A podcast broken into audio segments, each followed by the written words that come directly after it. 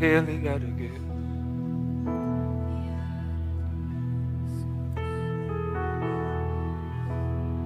Helig är du Gud. Och så ber vi Herre att du genom din ande igen skulle göra ordet levande för oss. Att du skulle lyfta oss ut ur liksom vanans och rutinens goda gudstjänstfirande och igen dra oss in i den där levande fascinationen över ditt ord. Vi tackar dig för att vi får göra det här vecka in och vecka ut som en del av vårt liv och som en del av hur vi väljer att röra oss och föra oss. Men, men vi ber Herre, igen för oss själva, öppna våra hjärtan, öppna våra öron, öppna våra ögon. Låt ditt ord få bli levande för oss på samma sätt som det alltid har varit levande i sig själv. Vi ber så i Jesu Kristi namn. Amen. Amen. Varsågoda och sitt. Välkomna till Citykyrkan till er som har ramlat in lite senare. Jag heter Alfred, eh, en av pastorerna här. Vi befinner oss mitt i en serie som vi kallar eh, Ny himmel, ny jord. Vi försöker och liksom närma oss det här som vi så ofta är inne och... Yeah. Jag trycker grejerna, kul. Det här som vi så ofta är inne och undervisar om på ett eller annat sätt, nämligen nämligen eh, evangeliet om Guds rike. Och så försöker vi liksom ta ett grepp på det där vi där vi tittar på, på det som, som en gång ska kunna. Om du inte är med, liksom, eller komma, om du inte är med i terminologin riktigt så är Guds rike allt det som Jesus förkunnar och modellerar. Om du undrar hur Guds rike ser ut, om du undrar liksom vad det har för, för former och konturer, så, så titta på Jesus, hur han lever sitt liv, hur han rör sig och för sig. Uh, och så har vi det här då, ny himmel, ny jord, talet om det som ska komma. Ibland så, så smyger det sig in en, en förståelse av det där lite luddiga som vi kallar himlen som någonting som vi rycks upp till och som vi far bort till. Det finns en gammal god sång som, som har texten vi ska fara bortom månen, vi ska fara bortom Mars. Eh, det är ruskigt klatschigt men det är lite besvärlig teologi för snarare så läser vi om en upprättad jord. Om, om någonting som, som Gud kommer tillbaka för, att, som Jesus kommer tillbaka för att, för att upprätta och det är liksom Guds rike kommandes i sin fullhet. Och så är det förståelsen av Guds rike som vårt uppdrag. Jesus visar Guds rike och sen så vänder han sig mot sina lärjungar, han vänder sig mot oss och så säger han nu ta detta evangelium om riket, gå ut i hela världen och så är det en del av vårt uppdrag. Eh, det liv Jesus lever är riket förklarat. Det liv Jesus lever är en inblick i framtidens agenda och det liv som Jesus lever beskriver vårt uppdrag. Det är liksom en snabb liksom sammanfattning av det. Berättelsen om Guds rike är berättelsen om vår frälsning, men den är inte begränsad till det. Berättelsen om Guds rike är berättelsen om våran och skapelsens frälsning. Syndens inträde i skapelsen. ni vet, om ni har läst Bibeln och börjat från början, det kanske inte är något vi rekommenderar om du är ganska nyfrälst. Hoppa in i Nya Testamentet först i början är det lite rörigt att hänga med, så börja i det nya testamentet. Men, men i början av boken, i första Mosebok, så läser vi om hur Gud skapar och så läser vi om hur synden kommer in i skapelsen och hur synden påverkar relationen mellan människan och Gud. Men hur den också påverkar liksom hela skapelsens tillstånd. Syndens inträde påverkar allt. Det är liksom förståelsen av syndens konsekvenser och konungens återkomst återlöser allt. Det är liksom slutet som ska komma. Så när vi pratar om, om Guds rike och om Guds frälsning så har det med dig och mig att göra, våran liksom relation med Gud. Men det är större än så, det handlar om, om allt det som vi kan se på, allt det som vi kan ta på, allt det finns det liksom en plan och en tanke från Gud med, även in i det som är trasigt. Första Johannesbrev 5 och 19, jag vet att vi har skämt bort er med att ha bibelord på väggen de senaste veckorna, men vi hade lite strul med tekniken i morse eh, så jag har inte hunnit ge det till eh, Noa inom utsatt tid och därför så kommer det inget. Eh, så ni får använda er bibel eller er app om ni har en sån och så får ni leta själva. Det kanske inte är så himla dumt ändå. Första Johannes brev 5 och 19 så står det så här. Vi vet att vi är av Gud och att hela världen är i den ondes våld. Det är ju inte det mest uppmuntrande man har hört idag, eller hur?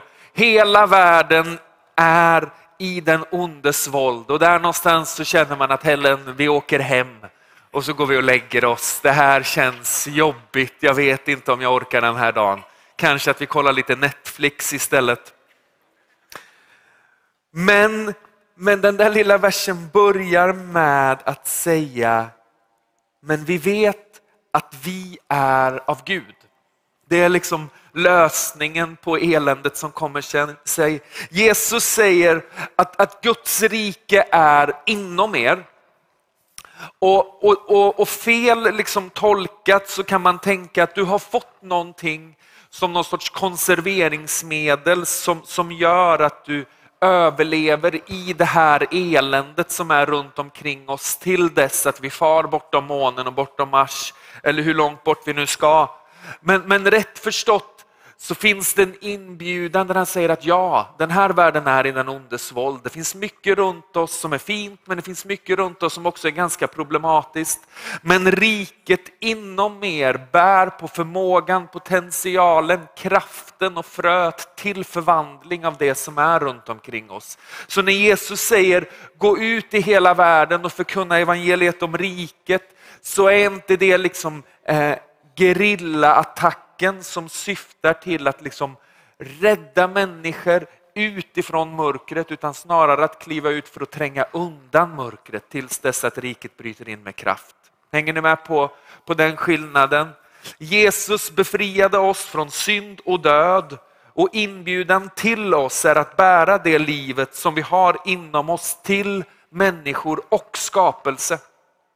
För det är det där som vi försöker få fatt i, va? Att, att berättelsen och uppdraget rymmer liksom att alla människor behöver få höra om Jesus.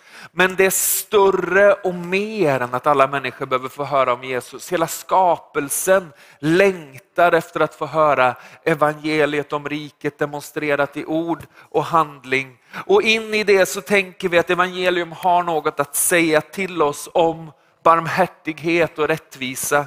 Vi har försökt att beta av de här stora tunga elefanterna. För några veckor sedan så pratade Paul om, om miljö, eller hur? Hur, hur? hur funkar det där? Hur förhåller vi oss till det från ett kristet perspektiv? Om allt ändå ska brinna så är det lika bra att vi hjälper till, eller hur? Då kan vi liksom stå och köra så mycket tomgång vi bara kan, för Jesus kommer snart. Men om det är så att, att Jesus kommer för att upprätta och om det är så att vi har blivit satta att förvalta och råda, så spelar det roll hur vi lever våra liv här och nu. Eller hur? Samma liksom tanke, samma grundläge när vi pratar om barmhärtighet och rättvisa. Och ska vi försöka definiera de här två orden liksom i någon sorts biblisk kontext så är barmhärtighet omsorgen om offren. Och rättvisa är korrigerandet av förövarna. Hänger ni med på de två tankarna? Det finns människor runt omkring oss som på olika sätt kommer i kläm på grund av att den här världen är i den ondes våld. De offren sträcker vi ut en hand mot i barmhärtighet. Och så finns det människor som, som gör ett ganska fint bidrag med att hjälpa till och möjliggöra strukturer som upprätthåller den ondskan, det mörkret, den djävulskapen. De människorna i kyrkan satt att tala sanning till, att utmana, att stå upp emot. Så jag tänker att vi ska ta och titta lite på de här två grejerna. Vet ni att Jesus, han ser den exkluderade. Vi ska hoppa till Matteus evangelium kapitel 8 och vi ska läsa ifrån vers 1. Det står så här. När han gick ner från berget följde stora skaror efter honom. Då kom en spetälsk fram och föll ner för honom och sa, Herre om du vill så kan du göra mig ren.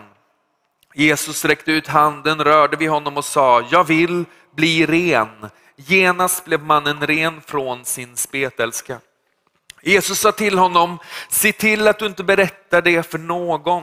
Gå istället och visa dig för prästen och bär fram den offergåva som Mose har föreskrivit. Det blir ett vittnesbörd för dem. Den liksom karismatiska delen av, av kyrkan som, som vi är en del av, som pingströrelsen är en del av, har kanske de, de senaste åren lagt mycket tid på, på hela den där grejen med, med under och tecken vi gillar att se hur Guds rike bryter in med kraft. Det finns liksom en, en fascination och en kärlek och en glädje i det övernaturliga som är, som är rätt och som är riktig och som är en del av det kristna livet. Och, och om vi liksom bara tittar på den här texten på ytan så, och frågar oss vad det är vi ser så ser vi att Jesus kliver in i en människas situation och så helar han. Punkt. Men, men om vi börjar skrapa på texten lite grann, om vi börjar närma oss vad som faktiskt befinner sig under ytan, om vi stoppar in liksom lite av vår bibelkunskap i systemet för att förstå vad som händer på ett djupare plan, så ser vi att Jesus inkluderar den som har blivit exkluderad. Det finns nämligen någonting i, i lagen, i, i den judiska lagen som folket levde under som, som föreskrev att få någon spetälska så behöver man liksom skickas bort ur gemenskap. Egentligen är det bara liksom Guds tidiga form av att säga, får du covid så stanna hemma och isolera dig, eller hur? Ja, men det är bara den grejen, det här smittar, håll dig undan. Liksom. Men, men det för också med sig ett socialt stigma, människor som tvingas att leva sitt liv i utkanten av samhället, människor som inte hade rätt att vara en del av, att tillhöra.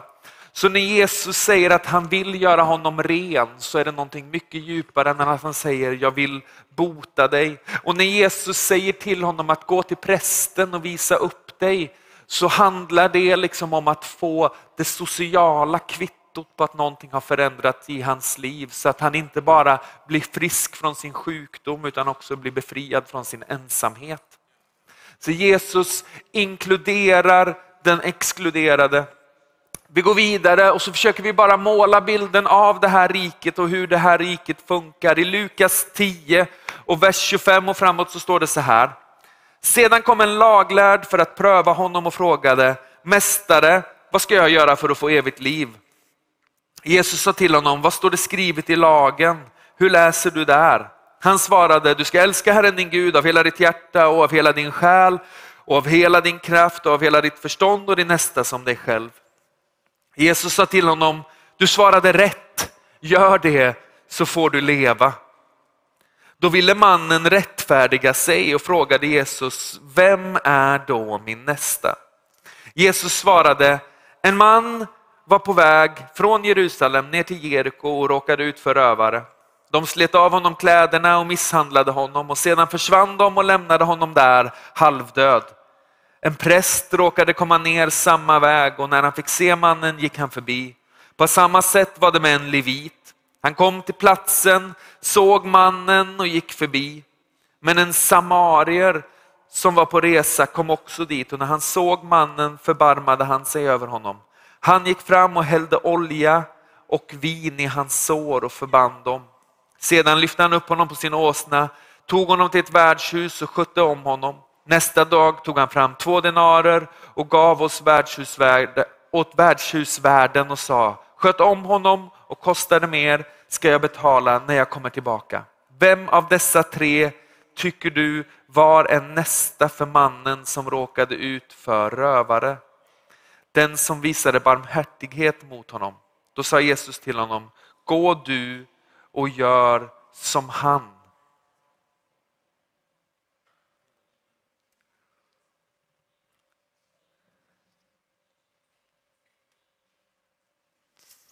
Samarierna på den här tiden var eh, andra klassens medborgare. De var inte liksom riktigt inne de var inte riktigt ute, de var på många sätt ett, ett lite så här osynligt och oönskat folk.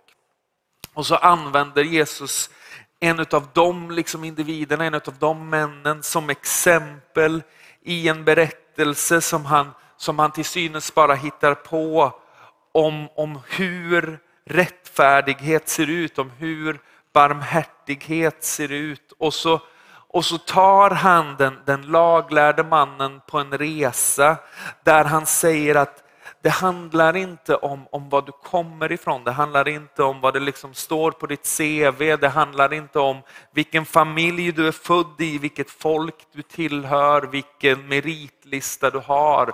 Utan det handlar om hur du väljer att leva ditt liv. Och så tar han den osynlige och synliggör honom genom att låta honom vara liksom förmedlare av något av Guds rike. För Jesus har en vana genom hela liksom, liksom sitt liv och hela sin gärning av att se den osynlige. I Johannes 4 så hittar vi berättelsen om den samariska kvinnan som på ett sätt knyter i det här. Det sitter en kvinna mitt på dagen, ni kan berättelsen för er som har varit i kyrkan ett tag. Hon är ensam, hon hämtar vatten på den sämsta tiden, hon är oskyddad i sin ensamhet och så pratar hon med en man och så har hon ett ganska långt CV av att ha gjort ganska mycket liksom dumma grejer. Och så ser Jesus kvinnan. I Lukas 18 så, så finns det ett gäng barn som försöker ta sig fram till Jesus och Jesus säger att, eller lärjungarna säger att mästaren har inte riktigt tid med er, men Jesus sätter sig ner och så säger han låt barnen komma till mig. Och så möter vi en, en frälsare och en kung som ser de små. I Lukas 7 och 36 så finns det en vacker text om en synderska, om en prostituerad som, som kastar sig ner på Jesu fötter och så tvättar hon hans hår. Det som är orent får röra vid honom som är ren. Och så växer det liksom när vi läser de här berättelserna fram en bild av en kung och ett rike som hela tiden har blicken vänd mot den som är liten, mot den som är svag, mot den som är utsatt, mot den som är utstött, mot den som, som inte får vara med, mot den som är märkt av sin, sin sjukdom eller sin synd. Och så säger Jesus att så här ser riket ut. Så här ser livet ni kallas att leva ut, att vara kyrka, att vara en Jesu efterföljare handlar inte om att liksom gömma sig i sin lägenhet för att se till att inte bli nersmutsad av världens synd, utan snarare att kavla upp armarna och försöka ta i så mycket skit som möjligt. För när vi sträcker ut våra händer så vet vi att han som bor i oss, Guds rike inom oss, förmår att göra det orena rent. Jesus modellerar och är barmhärtighet. Guds rike utmanar oss alltid att ställa oss på den svages sida. Händer som lyfts i lovsång måste sträckas ut i barmhärtighet. Det finns en superprovocerande berättelse i Matteus 25 och vers 31 som vi ska läsa. Vet, ibland är Jesus fantastisk och man känner Jesus, det här är ju, det känns som att du liksom klappar mitt hjärta med en liksom um sån här farmors hand. Liksom. Och du säger snälla saker till mig och ibland så känns det som att nu är du inte så snäll mot mig längre. Det här var jobbigt att läsa. Matteus 25 är ett sånt ställe när man känner att Jesus, nu får du tagga ner. När Människosonen kommer, vers 31. När Människosonen kommer i sin härlighet och alla änglar med honom, då ska han sätta sig på sin härlighetstron och alla folk ska samlas inför honom och han ska skilja dem från varandra som herden skiljer fåren från getterna. Och han ska ställa fåren på sin högra sida, getterna på den vänstra. Då ska kungen säga till dem som står på hans högra sida, kom in i min fars, välsignelse, i mitt fars välsignade och ta emot det riket som har stått berett för er sedan världens skapelse. Och så kommer det ett för. För jag var hungrig och ni gav mig att äta, jag var törstig och ni gav mig att dricka, jag var främling och ni tog emot mig, jag var naken och ni klädde mig. Jag var sjuk och ni besökte mig, jag var i fängelse och ni kom till mig. Då ska de rättfärdiga svara honom, Herre, när såg vi dig hungra och gav dig att äta eller törsta och gav dig att dricka? Och när, när såg vi dig som främling och tog emot dig eller naken och klädde dig? Och när såg vi dig sjuk eller i fängelse och kom till dig? Då ska kungen svara dem, jag säger er sanningen, allt vad ni har gjort för dessa en av mina minsta bröder, det har ni gjort för mig. Att älska Jesus är att älska den svage. Det går liksom inte att skilja dem från varann. Du som sjunger högst liksom här inne och känner att jag har fått till liksom en snygg lite sån knuten näve i lovsången när det är lite coolare texter och jag kan verkligen liksom gunga fram och tillbaka så här som en riktig pingstvän. Du kommer liksom inte undan att på utsidan av de där dörrarna så finns det människor som har behov, som har rätt att få möta något av Jesu barmhärtighet och Jesu kärlek. Och om inte de där liksom vajande händerna sen sträcks ut så har vi till slut inte betjänat honom. För vi kan inte skilja barmhärtighet och tillbedjan åt. Kaffeliv, vårt arbete bland socialt utsatta på onsdagskvällar är precis lika mycket liksom lovsångskalas som tisdagskvällens bön är. Vi behöver liksom få in det i våran gärning. Allt det där är tillbedjan. För tillbedjans kärna är att ära Jesus och välkomna honom som kung. Och där kungen är, där är Guds rike, eller hur? Barmhärtighet är tillbedjan. Vi betjänar Jesus och utbreder Guds rike. Det är så besläktat som någonting kan bli. Det ligger så nära varandra som någonting kan göra. Det är så mycket samma sak som vi någonsin kan liksom klura ut. Det är folk som lyfter sina händer i tillbedjan behöver förr eller senare sträcka dem ut i barmhärtighet. Det är evangelium i handling. Inte bara på det sättet, för det är det jag tänker är det obekväma med texten, att Jesus säger glöm inte bort att göra snälla saker. För det är inte det som är grejen, eller hur? Utan han säger att det var mot mig.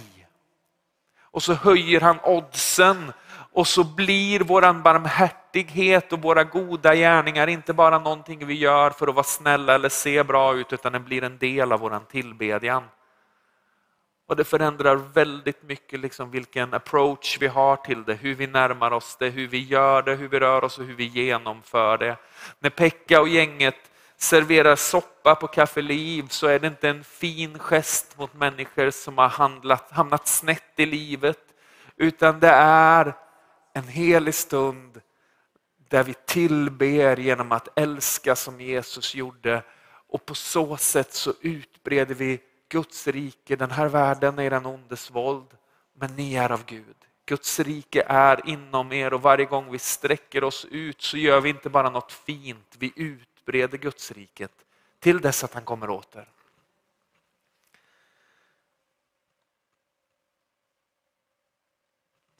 Så det finns den här liksom nödvändigheten, den här inbjudan för oss att, att vara ett folk som, som lever i barmhärtighet, som hela tiden utmanar utanförskap och utsatthet, som väljer att inte bara liksom göra eh, Ukraina buss lastbilsgrejen för att alla andra kyrkor lägger ut på Instagram att de gör sånt. Så då måste vi också göra det så att vi inte ser dåliga ut. Liksom. Det, är inte, det är inte den grejen utan det där är och måste vara ett överflöd av att den här världen behöver få möta något av hans godhet och Jesus, vi vill inte försumma en chans att ära dig mitt i omständigheter. Vi behöver vara ett folk som är märkta av barmhärtighet. Och så kommer den där andra delen av det då. Om barmhärtighet är den första så kommer den här rättvisegrejen och den här är lite kärv. Här känner jag mig själv lite så här småsvajig i knäna för jag tänker att är det någon gång jag kommer få arga mejl eller liksom bli missförstådd så är det när man pratar om de här grejerna. Kyrkan, tänker jag, mår bäst i opposition. Om man bara bläddrar lite grann i historien så ser vi att varje gång kyrkan försöker gripa makten politiskt så blir det så där efter ett tag. Eller bara liksom de senaste väckelsernas händelser med, med alla kyrkor och kyrkledare och grejer. Våra hjärtan mår inte så bra av makt. Vi hanterar inte makt så bra. Det funkar inte riktigt för oss att hamna för högt upp i systemet. Kyrkan kommer alltid, kallas alltid, mår alltid bäst av att komma underifrån, att vara kontrastvätska i systemet som på något sätt belyser problemen. För varje gång vi låser in evangelium till att vara höger eller vänster på en politisk skala så förlorar kyrkan sin röst. Kallelsen har alltid varit att vara salt som förhindrar förruttnelse och ljus som lyser in i mörkret. Visste ni att, att, eh, att varken sossarna, moderaterna eller KD kan frälsa världen? Inte ens Centern, precis i mitten. Jag vet, det är helt tokigt. Eller Folkpartiet, det finns väl inte längre, Liberalerna heter de. Det är kanon med kristna som engagerar sig i politik. Vi vill ha fler kristna som engagerar sig i politik. Vi vill signa dig som engagerar dig i politik, vare sig du är vänster, höger eller med i något skittokigt. Men, men grejen är att så fort vi sätter vårt hopp till ett ideologiskt system så har vi sett vårt hopp på fel ställe. Ytterst sett så tillhör vi ett annat rike och det måste liksom det som, vara det som är centrum för hur vi rör oss och för oss. Drömmen är större än ideologiska program. I, i, liksom, i när Jesus lever så, så, så, demonstrerar han Guds riket genom att gå runt och göra gott, genom att se barnen, kvinnorna, samarierna, de spetälska. Han omfamnar dem som lever i utanförskap. Han är inte alltid helt smidig mot dem som innehar makten. Har ni noterat det? Man känner att i den änden liksom av tråden vill man nog inte vara.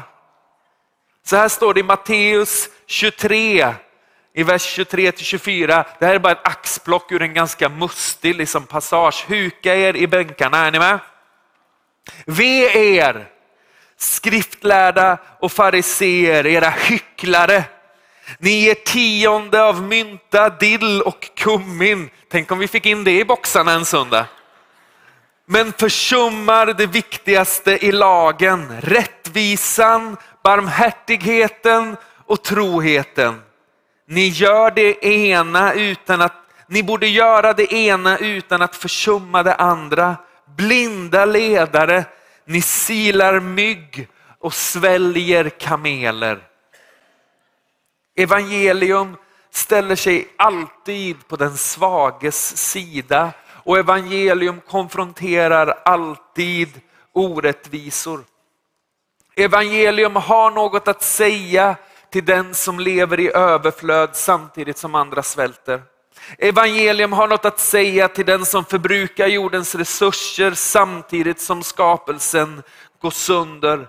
Evangelium har något att säga till de som utnyttjar, till de som segregerar, till de som hatar, till de som gör skillnad på människor, till de som skrämmer med våld. Ve er! Evangelium har något att säga till rika män som bygger rymdraketer istället för att mätta magar. Evangelium har något att säga till människor som tror sig vara mer värda på grund av färgen på sin hud. Evangelium har något att säga till den som hatar sin nästa en, enkom på grund av, av relation eller kön eller läggning. Ve er! Evangelium har något att säga till den som plågar och förtrycker, till tyranner och despoter, till den som stiftar orättfärdiga lagar och bara ser sig själv. Och i det så har kyrkan en uppgift att vara en röst som ständigt talar till det som är orättfärdigt och kallar till omvändelse. Utmaningen som vi lever med är att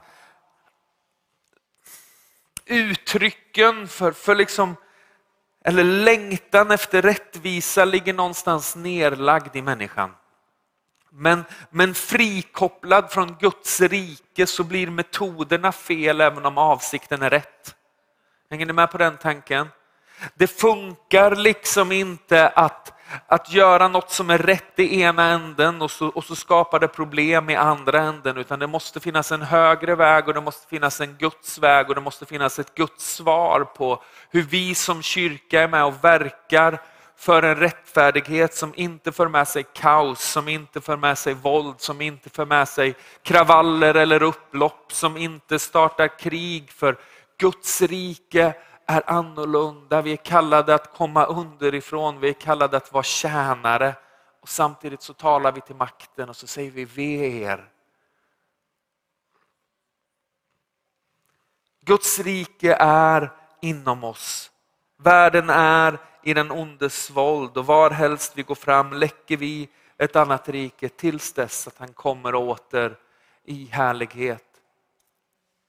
I drömmen om en ny himmel och en ny jord så finns det en kallelse till kyrkan att hela tiden återerövra sin identitet och sin röst in i liksom barmhärtighet för den svage och emot den som förtrycker och den som sitter på makten. Vi, vi är en, en, en motrörelse och en motkraft. Vi, vi söker inte inflytande men vi är kallade att betjäna. Kyrkan kommer underifrån och vi tvättar fötter, vi, vi lyfter den som är svag och vi korrigerar det som har gått fel. Och i det så låter vi något av riket inom oss påverka det som är runt omkring oss tills dess att han kommer åter.